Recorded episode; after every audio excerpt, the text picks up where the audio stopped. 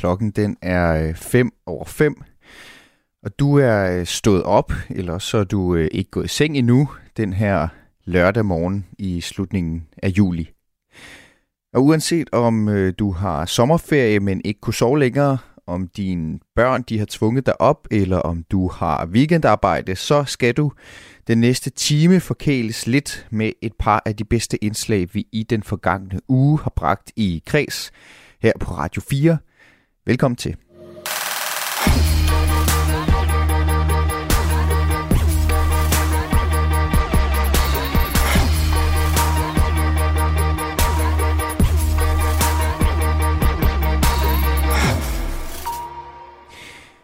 Hvis du kender øh, Kreds, så ved du, at det er Radio 4's daglige kulturprogram, hvor vi øh, alle hverdage fra 14 til 15 fortæller om det vigtigste og mest spændende fra kulturens verden. Jeg er tilrettelægger og øh, journalistprogrammet. Jeg hedder Mathias Wissing, og så har jeg fornøjelsen af at skrue det program, du lytter til nu, klip fra ugen, sammen til dig. Klip fra ugen, det går ud på, at øh, jeg har øh, udsat alt, hvad vi har bragt i ugen for et øh, benhårdt udskillingsløb, så kun det allermest smagfulde står tilbage til dig. Og derfor så skal du i dag høre om øh, lyddesign til film, som led i vores sommerspecial. Stjernerne i kulissen hedder det. Og du skal høre om øh, intet mindre end kunstens helende evne, noget man øh, eksperimenterer med i psykiatrien på Fyn lige nu. Men før vi tager hul på øh, herlighederne, så synes jeg, at vi skal høre lidt musik. Det er nemlig sådan, at det den 23. juli 2021 var 10 år siden, at den øh, britiske sangerinde og sangskriver Amy Winehouse, et slags, man kan kalde hende øh, 100-års talent, hun gik bort, og hun blev kun 27 år gammel. Med lidt forsinkelse, for det var den 23. juli, så synes jeg alligevel, vi skal markere det med at lade Winehouse sætte klip fra ugen i gang i dag, her med My Tears Dry on Their Own. All I can ever be to you is the darkness that we know and this regret I got accustomed to. Once was the ride when we were at our height, waiting for you in the hotel at night. I knew I had him at my match, but every moment we get snatched. I don't know why I got so attached. It's my responsibility you don't own nothing to me but to walk away. I have no capacity. He walks away, the sun goes down. He takes the day, but I'm grown. And in your way, in this blue shade, my tears dry on their own. I don't understand. Why do I stress the man when there's so many bigger things at hand? We could have never had it all. We had to hit a wall. So this is inevitable withdrawal.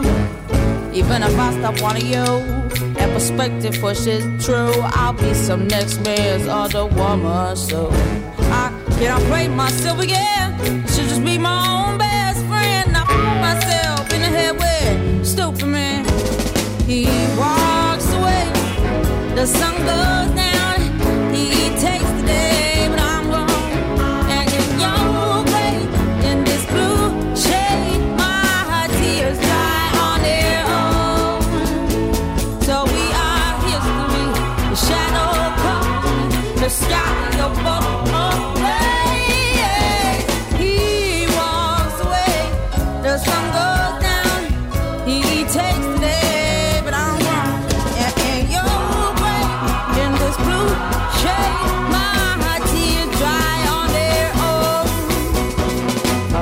Could say no regrets and no emotional day. Cause as we kiss goodbye, the sun sets. So we are history. The shadow covers me.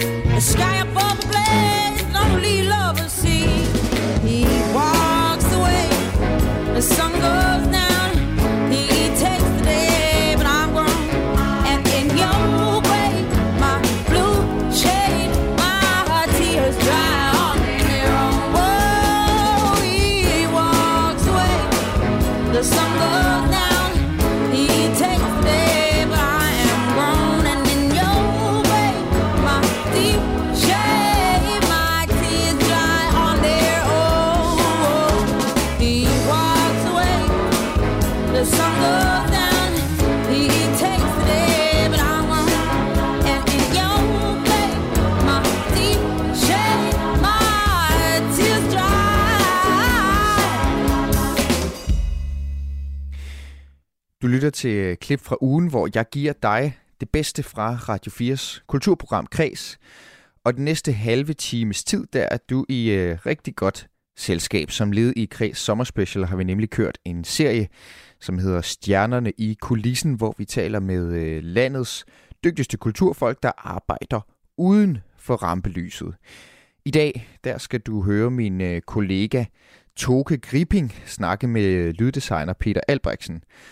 Og hvis du er som øh, folk er flest her iblandt, mig selv sagde hunden, så er det ikke et navn, Peter Albrechtsen, der sådan lige umiddelbart ringer nogen klokker. Og så alligevel, fordi øh, Peter Albrechtsen, han har faktisk lavet lyddesign til en film som Underverden, du måske har set, og til en film som Mænd, der hedder Kvinder, øh, Stig Larsens krimi eller filmatiseringen af den, som jeg tilfældigvis lige har set på Netflix. Og så støder man jo helt uden at vide det på de her stjerner i kulissen hele tiden. Og lyddesign er jo faktisk en øh, helt vild ting. Peter Albrechtsen han får for eksempel lyden af en baby, der skriger til at lyde fuldstændig som et fly ved at optage lyden fra en skrigende baby og derefter skrue på alle sine knapper i sit lydprogram og manipulere lyden så groft, at det lyder som et fly. På samme måde som øh, mange lyde i det hele taget snyder mere, end man lige tror. Her får du for eksempel lige lyden af et ordentligt regnværsskyld.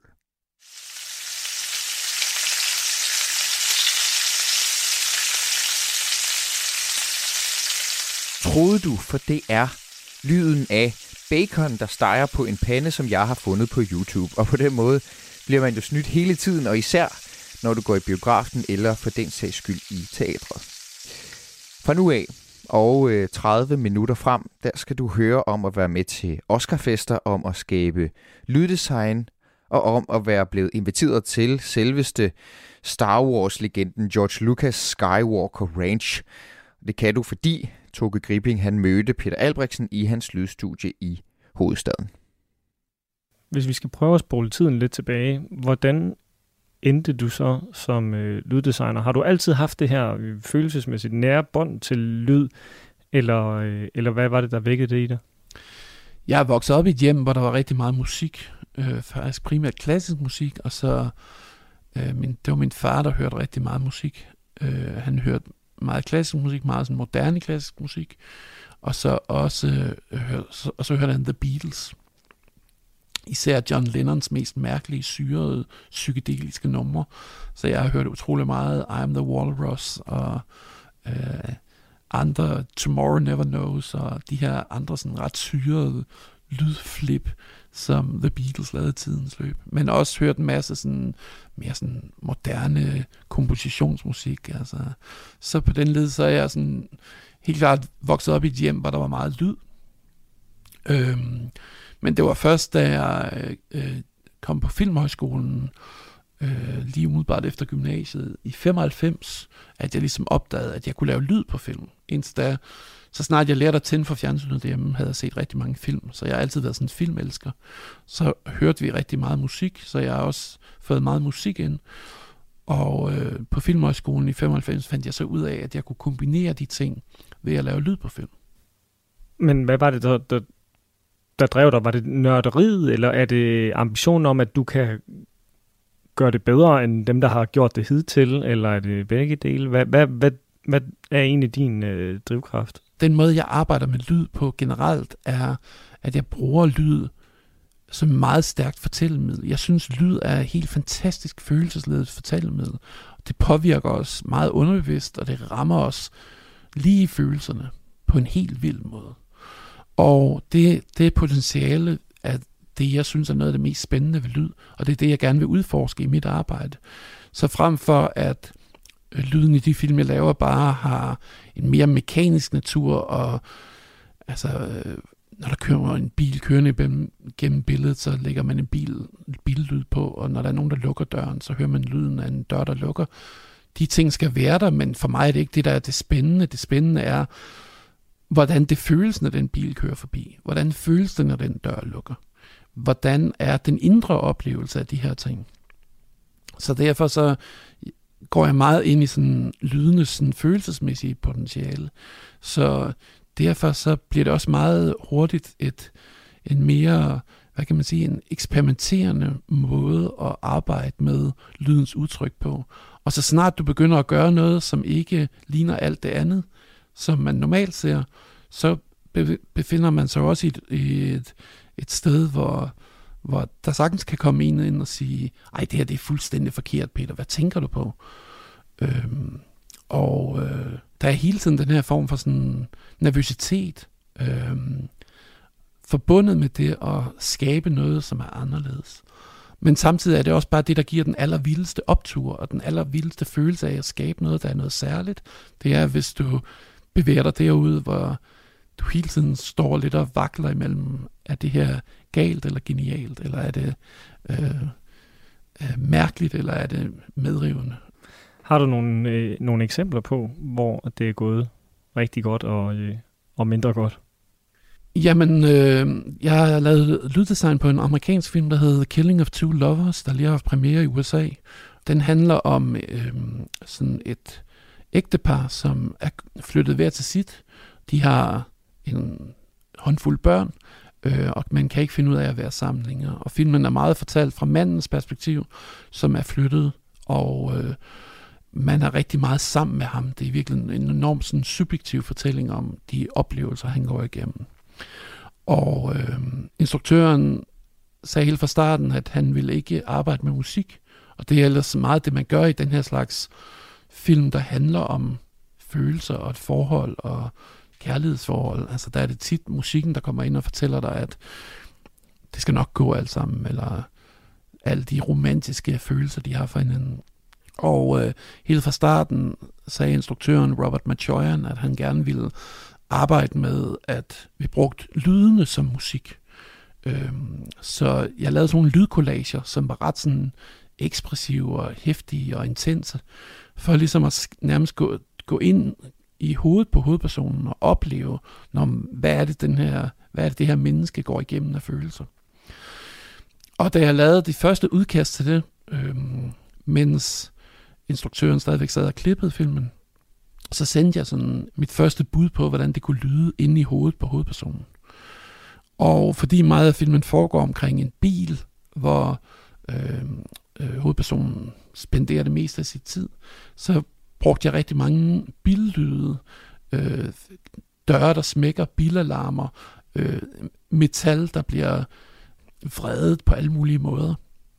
Og lavede en hel lydsymfoni ud af det. Og jeg tænkte, da jeg sendte det afsted til instruktøren, så tænkte jeg, ah, du godeste, han kommer til at synes, at det her det er noget helt absurd, og hvad skal han dog bruge det til? Og lige om lidt, så skriver han til mig, at han har fundet en anden til at lave lyd. Men så gik der lige nogle dage, fra jeg sendte det til ham, og så sendte han så filmen tilbage igen, og så var han fuldstændig vild med det, jeg havde lavet, og havde klippet det ind fem steder i filmen. Øh, og lige pludselig så den her lydkollage, jeg havde lavet, fik sådan sit helt eget liv i filmen. Og nu har jeg godt nok bedt dig om at, øh, at lukke vinduet her, fordi vi skulle optage, men du åbnede det jo selv, fordi du sagde, der var blevet øh, lidt indlukket. Gardinerne er trukket ned, og, øh, og der hænger så noget øh, støjdæmpende på, på væggene herinde, men det er jo sådan en, en rigtig hule. Arbejder du bedst sådan i, i hulen? øhm, jeg kan enormt godt lide det her med at øh, skabe et intimt rum omkring det at lave lyd og det at lave film i det hele taget. Jeg synes i virkeligheden, det er sådan meget personligt og meget øh, øh, skrøbelig proces, hvor man har brug for at skabe et rum, hvor man føler sig meget tryg, og hvor man føler sig hjemme. Så frem for at lave øh, et eller andet super shiny, øh, multimoderne sted, så øh, at mit rum her jo altså bygget op med højtaler og lærred og øh, akustiske øh, plader på væggene og lofterne.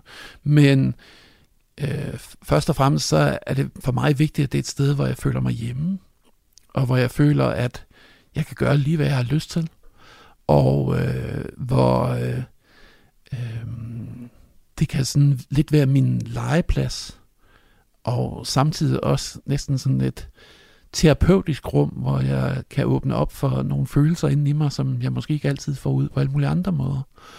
Øh, så på den led så er det her studie er mange forskellige ting for mig, men det er helt klart sådan en, et, øh, et sted, et kreativt rum, hvor øh, jeg skal føle mig godt tilpas, og det er helt vildt vigtigt for mig. Vil du kunne gøre det, hvis du ikke sad bag, bag lukket dør og med gardinerne trukket ned og hørebøffer på? Altså, jeg sidder jo faktisk ikke med hørebøffer på. Jeg har en masse højtalere, der spiller rundt omkring mig, men det bliver meget hurtigt meget isoleret, forstået på den måde, at jeg ligesom øh, sidder meget for mig selv. Øh, jeg synes, at øh, vi nogle gange glemmer at tænke på, hvor meget rummet omkring os farver den oplevelse, vi har af en fortælling, eller en følelse, eller verden i det hele taget. Øh, og øh, på den led, så jeg kan godt lide at være i et rum, hvor jeg føler mig tryg. Øhm, men det er jo selvfølgelig ikke altid, at jeg sidder her i mit studie. Nogle gange skal jeg sidde i studie andre steder, enten i Danmark eller andre steder i verden. Øh, og så handler det om at finde nogle steder, hvor man har det godt, når man arbejder der. Øh, derfor så når jeg øh, går ind i et nyt proces eller et nyt projekt, så er det for mig også enormt vigtigt at finde nogle samarbejdspartnere, jeg har det godt sammen med. Så en ting er, at det skal være en spændende film og et spændende projekt og et, et godt manuskript, eller hvis det er en dokumentarfilm, at det er et spændende tema eller en spændende fortælling.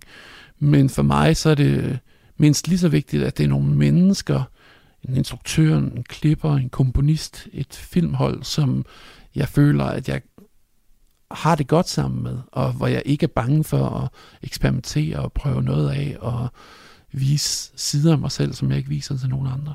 Er du sådan en, der altid går rundt med en optager i lommen, og så lige er klar til at... Ja, altid. Jeg har altid en optager med mig. Så øh, øh, det, jeg er typen, du kan se ned i supermarkedet, der står og optager en skydedør, fordi at jeg synes, det lyder som en hylende abe, eller øh, hvad det nu kunne være. Øh, jeg optager mange lyde hele tiden. Hvad, hvad er den seneste lyd, du har optaget? Var det i supermarkedet?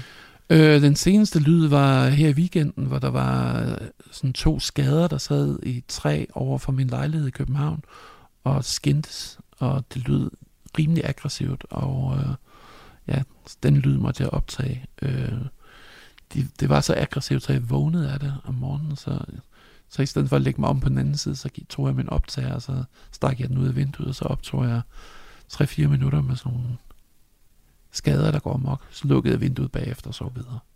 Men er det nogle gange også, kommer det ned til den helt enkelte lyd? Netop altså om, at du skal ud med en optager, og så finde en helt specifik lyd?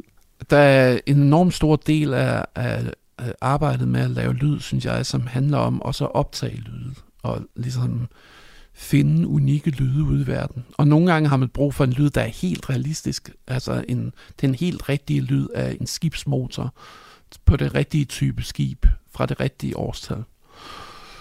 Også i vores mand i Amerika brugte vi for eksempel den foregående en verdenskrig, så vi brugte lang tid på at finde ud af den rigtige type stålbåndoptager, som de brugte dengang, når man fik optagelse af det. Og alle mulige sådan de her de rigtige typer telefoner med de rigtige typer mikrofoner inde i, de rigtige typer højtalere og de rigtige typer skrivemaskiner osv. osv. Så der, at man kan sige, at der er en, en del af arbejdet, der handler simpelthen om det faktuelt korrekte i en lyd. Men samtidig så er der også en del af arbejdet, som er det at gå på opdagelse i lyd. Så finde en lyd, som ligesom har en følelsesmæssig potentiale til ligesom at folde en historie ud. Og det behøver ikke nødvendigvis være en autentisk lyd. Det kan også være en lyd, som altså jeg finder et børneskrig, jeg har optaget for 10 år siden, og pitcher det øh, ned og putter rumklang på, og lige pludselig så er det den perfekte øh, oplevelse af et fly, der flyver hen over dig, men er blevet til sådan en helt abstrakt lyd. Øh, så nogle gange så, altså lyd har også et enormt poetisk potentiale, som gør, at det åbner op for en følelsesmæssig oplevelse af filmen, frem for en faktuel oplevelse af filmen. Hvis vi skal prøve at tage fat i mesterværket, er der så en ting, som du er særlig stolt af, der, hvor du tænker i forhold til alt det andet, det her, det er simpelthen uden, tvivl, uden sammenligning mit bedste arbejde? Jeg synes, det er helt sindssygt svært at fremhæve en ting frem for noget andet. Altså, øhm, fremhæve en film frem for noget andet. Jeg har det virkelig som om, de alle sammen er mine børn, og man ikke rigtig kan sige, at jeg bedre kan lide mit ældste barn end mit yngste barn. Hvis der, hvis der ligesom er, der, man kan sige, hvis, hvis jeg skulle nævne en film, som måske har betydet noget helt særligt, så er det øh, Christina Rosendals film Idealisten, som var den første film, jeg lavede i det, der hedder Dolby Atmos.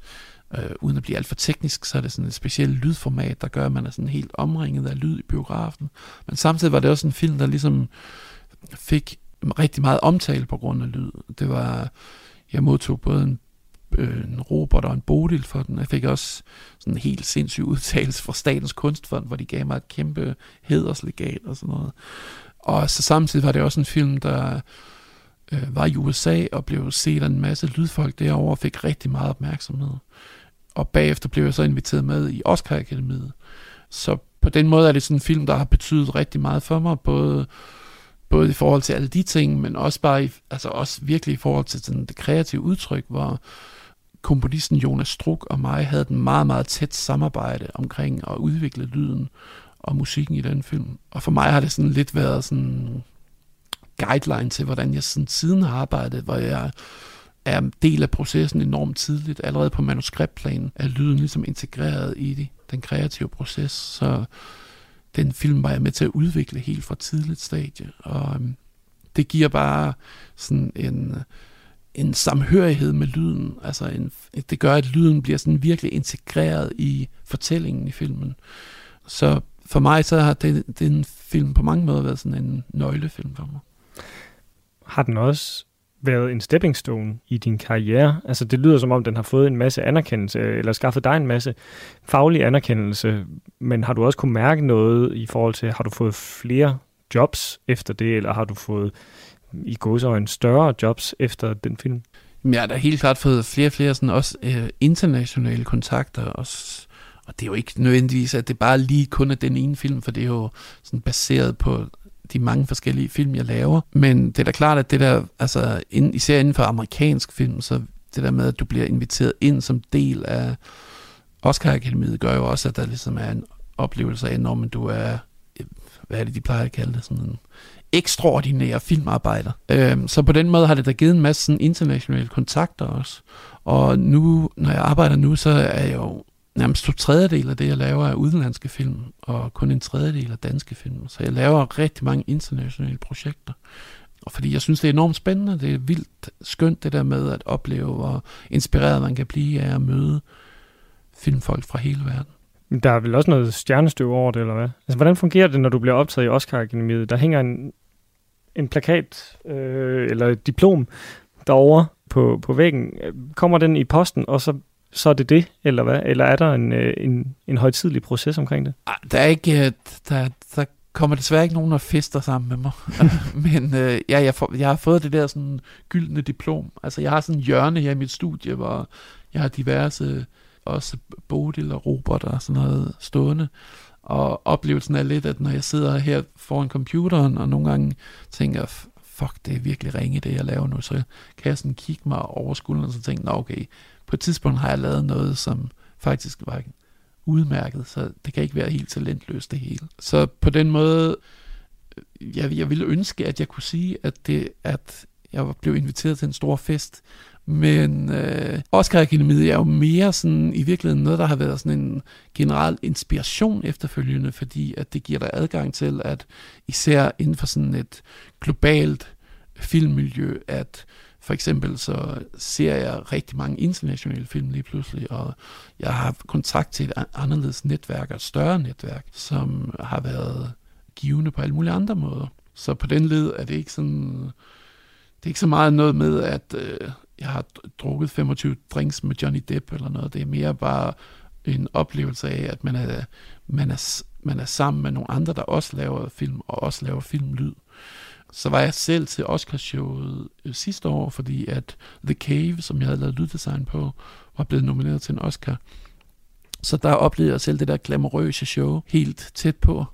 Og det var jo en ret vild, out of this world oplevelse. Altså, især fordi vi kom med en syrisk krigsfilm, som så lige pludselig blev set af alle de her store glamourøse stjerner.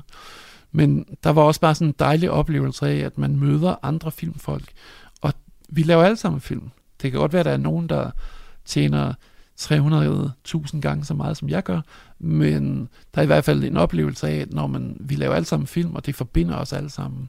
Og det er også det, jeg har med det der med alle de her internationale kontakter. Det er en følelse af, at når man, we are in this together, der er, sådan, der er en, en oplevelse af, at det der med, at vi skaber alle sammen film, og vi prøver alle sammen at gøre vores bedste hver eneste gang. Og nogle gange går det godt, og nogle gange går det mindre godt.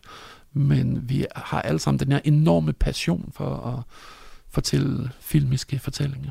Men var der, var der nogen så til det der Oscar-show, hvor du øh, tænkte, ham der eller hende der vil jeg rigtig gerne lige have øjenkontakt med, og ikke anerkende til, eller øh, hilse på, og, og var der noget af det, der, der lykkes?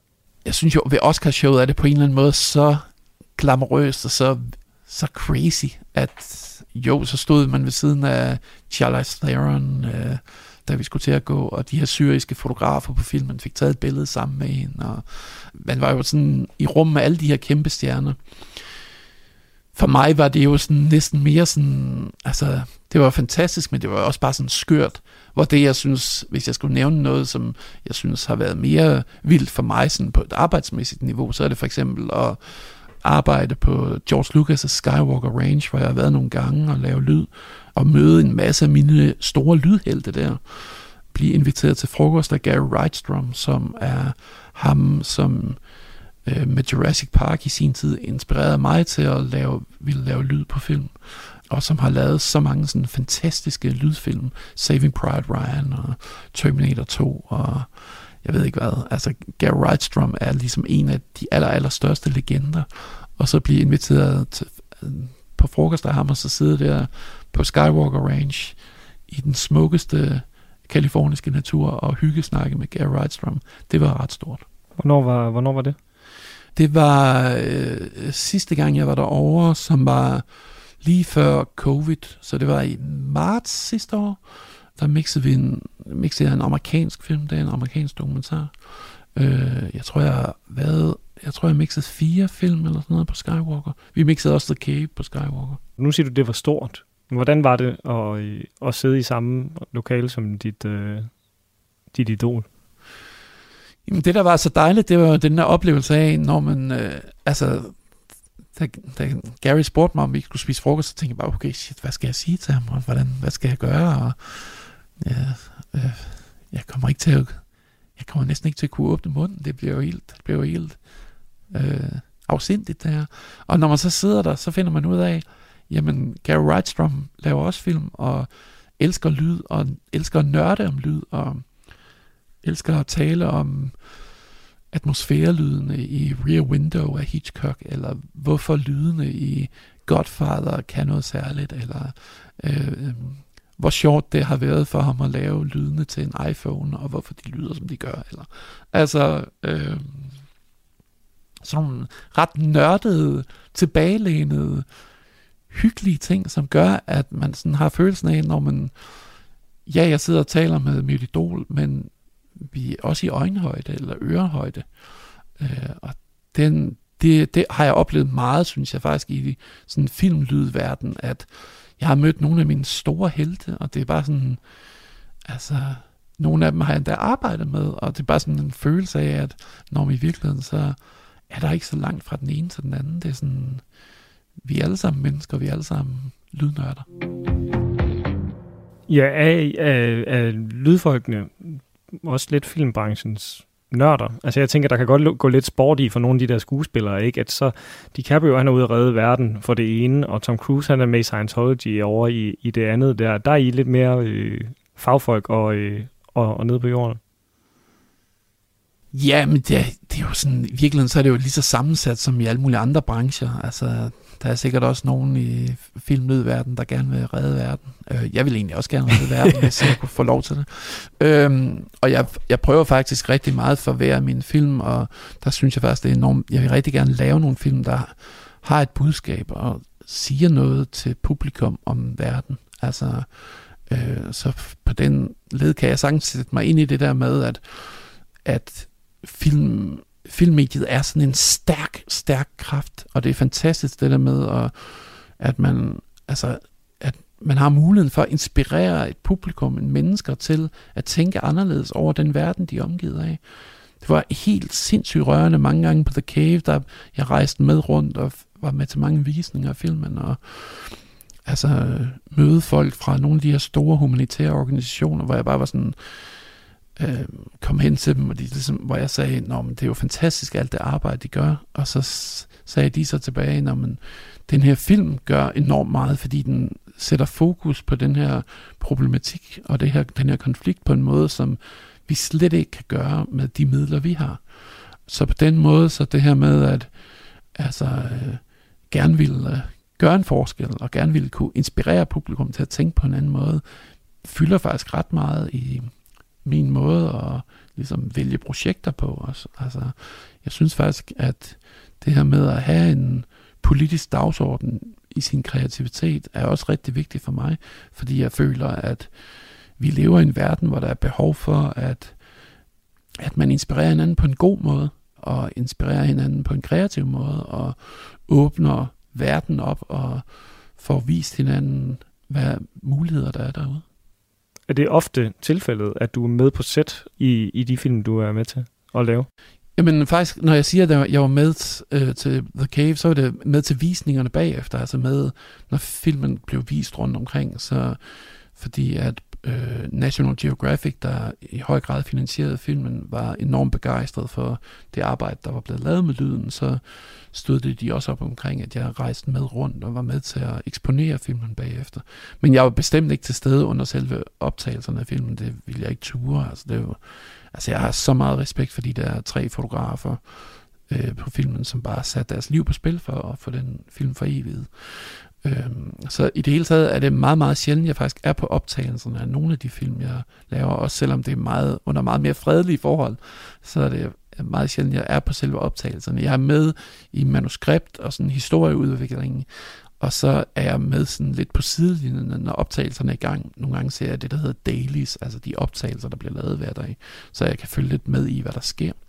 Men ellers så er jeg faktisk ikke med på selve optagelserne. Jeg kan enormt godt lide, at når jeg, får materi- når jeg ser et billede eller hører de lyde, der ligesom er blevet foreviget på optagelserne, så er jeg ikke låst fast af, hvordan virkeligheden var. Jeg er kun interesseret i, hvordan det opleves, når du ser og hører det på skærmen eller lærredet.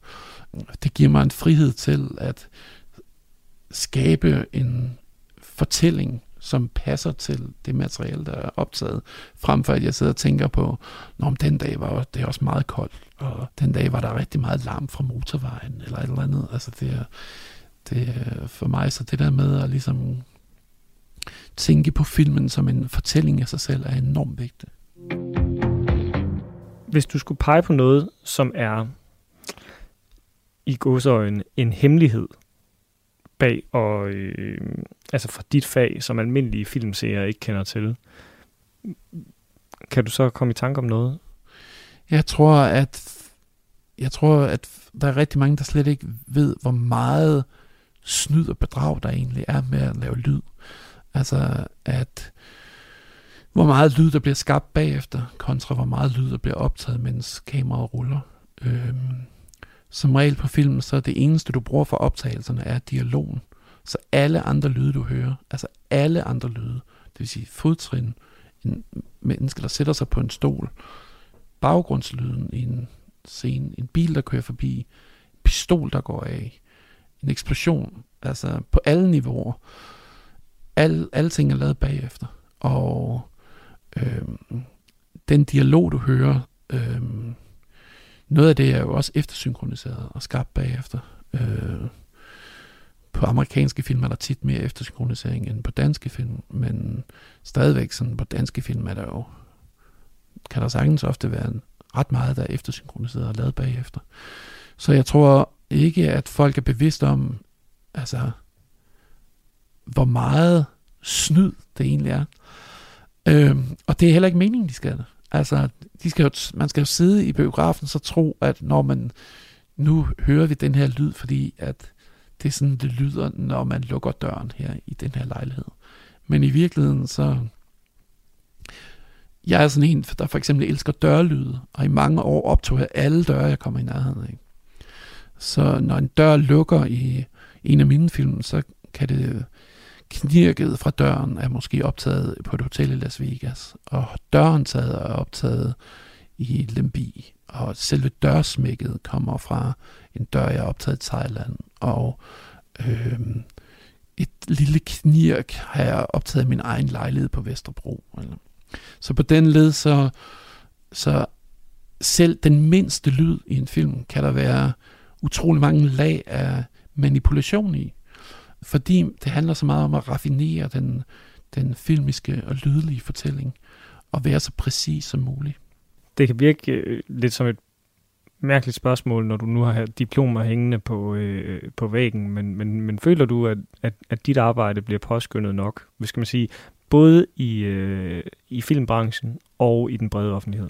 Øh, jeg er jo, synes jeg, er virkelig enormt privilegeret i forhold til, at jeg får lov at arbejde på en masse film med en masse instruktører, der virkelig gerne vil bruge lyden meget kreativt og meget medfortællende. Altså lyden har en enorm stor rolle i de film, jeg laver. Øh, og det er jo fordi, at jeg arbejder med nogle instruktører, der rigtig gerne vil udforske det. Så jeg må sige, at øh, der, der føler jeg mig meget ja, privilegeret. I forhold til sådan opmærksomhed i branchen, så synes jeg faktisk, at i forhold til filmlyd, at der begynder at komme mere og mere fokus på det, og der er faktisk, altså, jeg oplever egentlig ret et, et klart et voksende fokus på lyd i film, og hvad det kan inden for, altså siden jeg kom ud fra filmskolen til nu, er der mange flere omtaler, mange flere interviews, hjemmesider, øh, podcasts, alt muligt med ret meget fokus på lyd, og i det hele taget så også gennem podcastkulturen har jo også gjort, at lyd har fået en helt anden plads i moderne kultur, end den havde for 15 år siden. Så på den led, så sker der heldigvis en masse gode ting. Jeg synes stadigvæk, at design kan blive bedre, men der er, der, der sker helt klart mange gode ting. Jeg tror måske, det jeg savner lidt mere i generelt forstand, er, at folk lytter noget mere, at man bliver mere bevidst om, hvad lyden gør for os. Altså helt ned i sådan nogle dagligdags ting med, når man, hvorfor skal vores restauranter have så dårlig akustik, og hvorfor skal vejarbejde larme så meget, og altså alle de her ting, som hvor vi er vant til, at ting lyder dårligt i vores hverdag, men vi ikke gør noget ved det, fordi det er sådan, vores verden er. Øhm, der synes jeg, at øh, jo mere føler jeg, at vi tænker over lyd og lytter efter, hvad der sker omkring os, jo mere er vi også følelsesmæssigt i kontakt med os selv og vores omverden. Kan du gå og blive, og, og blive stresset over det næsten? Altså hvis der er meget dårlig lyd omkring dig, for eksempel så har det jo været talt om meget med, når man bor i en stor by, ikke, så lærer kroppen, den vender sig ligesom til at være konstant stresset på grund af alt det larm, der er. Men er du meget bevidst om den larm hele tiden? Jeg lytter virkelig meget. Der er mange folk, der spørger mig, om Peter, hører du så bedre end os andre? Og så kan jeg bare sige, nej, det gør jeg altså ikke. Men jeg lytter mere. Jeg lytter meget til, hvad der sker omkring os. Øh, og det er jo også det der med, at jeg selv går rundt og optager lyde hele tiden, hvis jeg hører et eller andet, som jeg synes har en speciel lyd.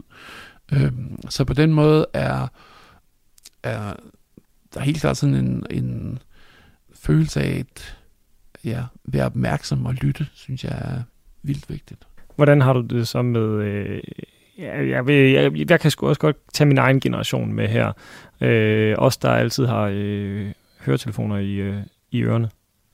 Jamen, jeg er jo del af den samme generation. Jeg går også tit rundt med hovedtelefoner på, fordi jeg hører utrolig meget musik, og jeg elsker at høre det i hovedtelefoner. Så jeg, jeg er ikke egentlig spor bedre end så mange andre lige på den front. Nogle gange synes jeg også, det er dejligt at være ude af den verden og lytte til virkeligheden.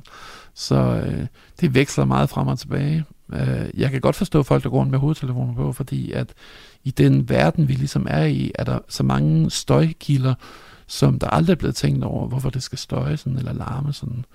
Øhm, og så er det egentlig meget rart, det der med at tage et par hovedtelefoner på og selv kunne bestemme, hvor, hvordan det skal støje og hvordan lyden skal være. Hvad vil du gerne slukke for, hvis du kunne gå ud af døren her og så sige, den her lyd, den, den har vi fjernet fra øh, København? Øhm, jeg synes, det kunne være interessant at høre øh, København uden trafikstøj. Selvom jeg ville være en lille smule nervøs for at blive kørt ned af bilerne, hvis de alle sammen var lydløse. Men, øh, men øh, det der med, at, altså, at der er sådan en grundsus og grundstøj i byen, er ret vildt. Altså, og det er ikke engang, fordi jeg så tænker så meget på forurening og luftforurening og sådan noget, men mere bare sådan det der generelle sådan, støjniveau. Øhm, hvor jeg synes noget af det, der er, altså hvis man skal fremhæve en god ting ved sådan coronaperioden og sådan hele nedlukningen, har været, at der lige pludselig blev mere stille. Og det synes jeg faktisk i nogen henseender var befriende. Øh, jeg har lige lavet sådan en historisk øh, film, spillefilm, øh, som foregår i 1800-tallet, øh, som, øh, som hedder Du som er i himlen, øh, som øh, øh, ja, foregår i 1800-tallet. Derfor havde vi brug for at optage en masse naturlyde, uden alle mulige biler og motorveje i baggrunden. Og det kunne vi lige pludselig, fordi at Danmark var lukket ned, og vi kunne gå ud i naturen og optage ren natur uden en motorvej i baggrunden.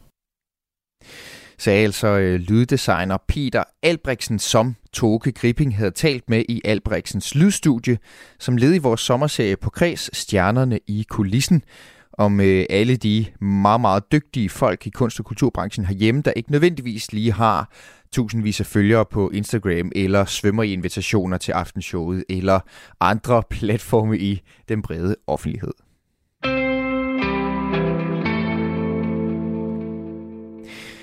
Du lytter til øh, klip fra ugen med det bedste fra Kreds, og det gør du med mig, Mathias Wissing. Jeg er journalist og tilrettelægger på Kreds. Og så strikker jeg et par gode indslag sammen til dig den her lørdag morgen. I tirsdags, der øh, handlede det i kreds om kunstens helende evne for på en fynsk psykiatriafdeling. Der flyder det lige nu med øh, pensler og blyanter og papir og farver, og det gør det, fordi billedkunstner Carsten Auerbach er rykket ind. Det er han som led i et projekt, hvor man øh, undersøger, om kunst kan være med til at hele unge med for eksempel spiseforstyrrelser. Og i det projekt, der er øh, Carsten Auerbach blevet bedt om at skabe det, de kalder et diagnosefrit rum på hospitalet, ved at han skal øh, undervise patienter mellem 13 og 19 år i billedkunst. Og mere end det, han beder også de unge om selv at skabe kunst. Øh, det var faktisk sådan nogle helt klassiske øh, tegne-male ting. Der var ikke noget specielt avanceret ved det. Og det gjorde jeg blandt andet, fordi at det her det skulle også være trygt og lige, lige til at gå til for, for patienterne. Og øh, lægerne forklarede for eksempel, at, at nogle af de patienter, du øh, fik besøg af, det var nogen, der havde svært ved at sætte ord på deres følelser. Hvad gjorde du, med, hvad gjorde du for en opgave til de øh, patienter? Ja, ja, det er jo rigtig træls at skulle i samtaleterapi, når man rent faktisk, øh, når der er noget forskning, der viser, at de her patienter har svært ved at sætte ord på følelser, eller tænke over deres følelser. Og så gjorde jeg bare det, som jeg vidste, at billedkunsten kan. Så kan man sætte billeder på følelser. Og så prøvede jeg sådan at, at lave nogle forskellige øvelser og arbejde hen imod det. Og det øh, viser sig så her bagefter, at det virkede rent faktisk. Øh, både sådan, så patienterne kunne... Nogle af dem sagde, jeg tager simpelthen det her billede med hen til min terapeut næste gang, så kan hun da fatte, hvordan jeg har det. For, fordi det er svært for hende at forklare det med ord. Ja. Og, og, og, men også, at nogle af patienterne øh, sagde, øh, Altså, det var ikke bare kommunikation udadtil, men det gjorde, det gjorde det nemmere for dem også at tænke nogle følelsesmæssige ting igennem. De tænkte simpelthen, mens de tegnede det. Og, og øh, sagde, så nu har jeg for første gang i mit liv prøvet at tænke en følelse igennem. Og, og, hvis, den, og, og hvis jeg så bliver bange for at blive overvældet af de ting der på et andet tidspunkt, så går jeg bare hen og tager tegningen frem igen. Det, ja, det tænker jeg. Det, det er helt vildt, det her. Vi er fat i et eller andet. Og jeg ved også, at du øh, bad nogle af dem, der for eksempel havde svært ved at at leve op til øh, præstationssamfundet og virkelig er tynget det. Dem bad du så om at lave, bare sætte nogle streger på et, et papir. Hvad sagde de til det, sådan øvelser som det? Ja, det var lidt sjovt, fordi øh, det tog de faktisk imod. Men jeg er jo så vant til sådan lige at skulle forklare øh, rationalet i nogle af de øvelser, vi laver. Øh, men, men og, og specielt de spiseforstyrrede, jamen, der er rigtig meget præstations- og perfektionskrav til sig selv. Så det der med sådan lige at trække dem lidt over i noget lejende, øh, og forklare, hvorfor vi skal prøve at lege, og vi skal prøve at, at mærke stregernes kvalitet. Kan du mærke stregen, den har, den her streg, du lige har lavet, den, hvad, hvorfor en temperament har den? Prøv at lave et med et andet temperament, og, og, og på den måde kommer man over i sådan meget mere lejende og ikke så præstationsorienteret forhold til det. Og det her projekt, som øh, i er i gang med at lave, eller der har været i gang nu et år, og nu skal der ligesom øh, laves en rapport på det, det bliver udgivet som forskningsprojekt. Det er jo egentlig bare en del af en tendens, altså måske har dig, der lytter med, hørt om øh, det her tværkommunale projekt Kultur på Recept, som øh, desværre ikke kører længere. Det var ellers et sted, hvor der var nogle rigtig fine resultater at hente en aktieindtægt, som Kulturen på B1 fik i en midtvejsevaluering af projektet, viste, at deltagerne øh, fra de kommuner, der, der var med, de viste faktisk tegn på en øget trivsel efter forløbet, og det var også et forløb, hvor de så fik ordineret kultur, altså ikke hvad de skulle gøre, lave kultur og kunst, ligesom I gjorde, men øh, hvor de skulle opleve kultur. Men Carsten, jeg vil godt tænke mig at høre dig. Mener du, at kunst, og så også det at være kreativ selv, kan hele psykisk syge eller belastede mennesker, som f.eks. de her unge med, med spiseforstyrrelser? Ja, det korte svar, det er ja. Kan det også øh, kurere, Carsten? Øh, det kan det ikke som... Altså, jeg er ked af at sidde her og skulle, skulle lege øh, Karl Smart med et eller andet vidundermiddel, der kan frelse hele verden. Og, og, og det, kan, det kan det nemt blive sådan, øh, at nu har vi fået en smart og ny idé. Men, men vi, har, øh, vi har jo arbejdet med, øh, hvordan det her, hvordan det at trække kunsten ind i det eksisterende behandlingsapparat, øh, kan tilføre noget, som behandlingsapparatet ikke har selv. Men og kunne det, det også folk... være alt muligt andet end kunst? Du siger, det her diagnosefri mm, mm. rum, kunne det også være, øh, at man samles om at, at spille bold eller et eller andet helt andet? Nogle af de effekter, specielt de effekter, som man har øh, fundet ud af på i øh, kultur på recept, jamen det svarer, det, det, det er sådan nogle første, hvad skal man sige, første generations ting, hvor man ligesom siger, at det, det er noget med, at man får noget fællesskab, man har noget at stå op til, øh, mm. man, og, og altså nogle helt basale ting, som gør, at man kan have det godt få det lidt bedre. Det er sådan lidt beskæftigelsesterapi-agtigt, ergoterapi-agtigt. Det, jeg synes, der er det spændende, det er lige at gå et skridt videre og sige, hvad er det så kunsten kan? Og så kan jeg billedkunst. Det, det kan også have været en danser eller nogen andre. Men, men fordi kunsten kan noget andet øh, end, end øh, frimærkesamler og ridning og sådan noget. Fordi kunsten øh, er dels noget, man laver rent fysisk, men det udtryk, man udtrykker sig også gennem kunsten. Den har ligesom to lag i sig. Og det tror jeg er en, er en vigtig ting, og det er det, vi har gået ind og har undersøgt her. Hvad er det, kunsten kan? Og det kunne jo være rigtig fedt, hvis kunsten kunne øh, mere end kun at hjælpe dem, der ender på hospitalerne. Fordi hvis man kigger fra salg fra, fra Statens Sundhedsrapporter, så viser det tydeligt, at øh, vi har med at gøre en hel generation, lad os bare tage unge, der har massive psykiske problemer. En ud af syv børn i øh, 6. Til 9. klasse har følt sig stresset ofte eller hele tiden den seneste måned. Det viste en rapport for Børns Vilkår og Trykfonden. Og hvis vi kigger nærmere på de tal, vi kan få frem, så er det særlige øh, unge kvinder, der har et rigtig højt stressniveau. Carsten, kan vi hjælpe sådan alle med for eksempel at putte, hvad ved jeg, billedkunst på skoleskemaet? Øh, mener du? så vil der, igen, så er det jo ikke et vidundermiddel, og, og det er det slet ikke, før man har fået uddannet nogle, øh, nogle lærere, der skal tage sig af det her billedkunst, øh, godt kunstpædagogisk. Øh, så, så jeg tror ikke, det er sådan lige er vejen frem. Øh, men, men, men ja, det, det, gør, det gør noget. Der, hvor kunsten kan gøre noget, det er jo, den giver os... Øh, når, når jeg arbejder med det, så er det for at give børn og unge en stemme, for at de øh, selv kan udtrykke sig om deres liv og deres verden. Øh, og, og prøve også at komme hen og få fat i noget af det, som rent faktisk gør, at man har det svært. Hvad håber du, jeres øh, forskningsprojekt, som hedder Kunsten at male sig ud af et hjørne, får betydning for nogle af de andre projekter, som faktisk også foregår rundt omkring i, i kommunerne lige nu? Øh, det, jeg håber allermest på, det er jo, at der også sidder et sundhedsvæsen i den anden side. Øh, fordi en meget stor del af det, øh, som er i gang lige nu, i, altså fra, fra 2020 og fremad, i årene fremad, det er kulturmidler, som, som faktisk bliver sendt ud i den her tværfaglighed. Og der kunne det være rigtig dejligt, at der også øh, kom nogle, et, et respons fra den anden side, fra sundhedsvæsenet, der sagde, wow, det lyder faktisk spændende det her, det vil vi gerne prøve noget mere af. Og vi står her med en forskningsrapport, der faktisk viser det, og der, der er masser af forskning, der viser det. For, for mig vil det bare være noget med, at jamen, lægerne har jo her efterfølgende sagt, jamen, ej, jeg sad lige med en patient i går, og det ærgerlige projekt er slut, fordi ham vil jeg bare lige sende over til dig. Øh, så, altså, for mig vil det være noget med bare at sige, jamen, kan vi bare få fem eller øh, fem timer om ugen, eller sådan noget, hvor vi kan lave det her i forhold til børn og unge på, i, i psykiatrien på Fyn. Og det sagde billedkunstner Carsten Auerbach til vært på Kreds, Maja Hall.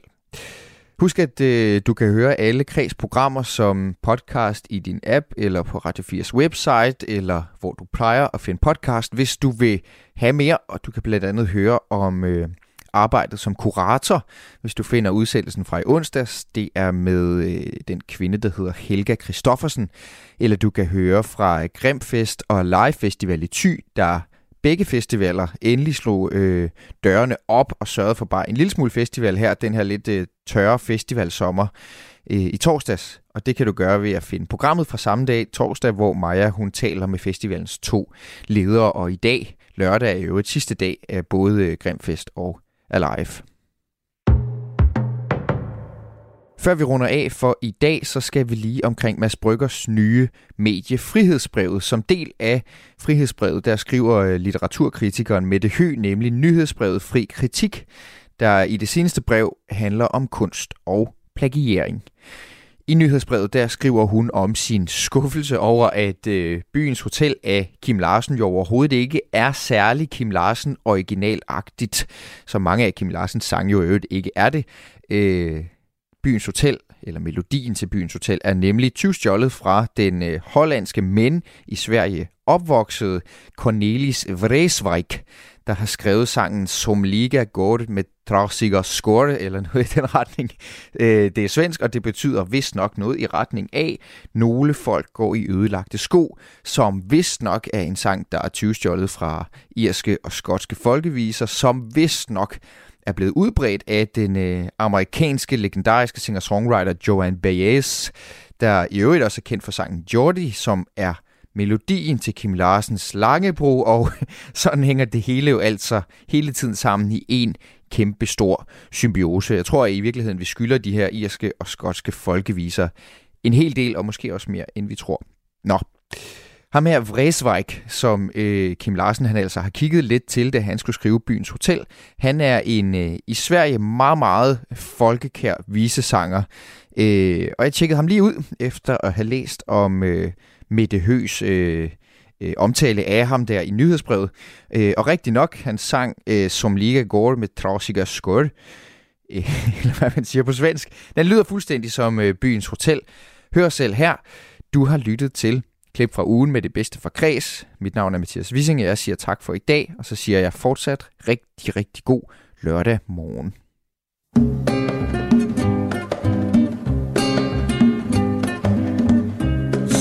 Somliga går med trasiga skor. Säg vad beror det på? Gudfader som i himmelen bor. Kanske vill ha det så. Gudfader som i himmelen bor.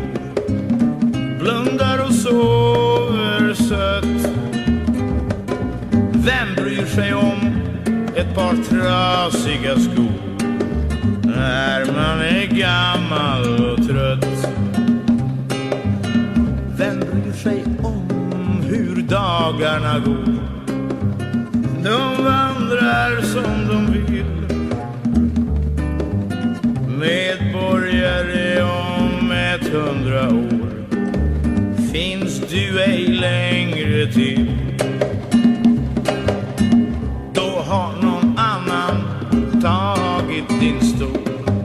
det vet du inte av.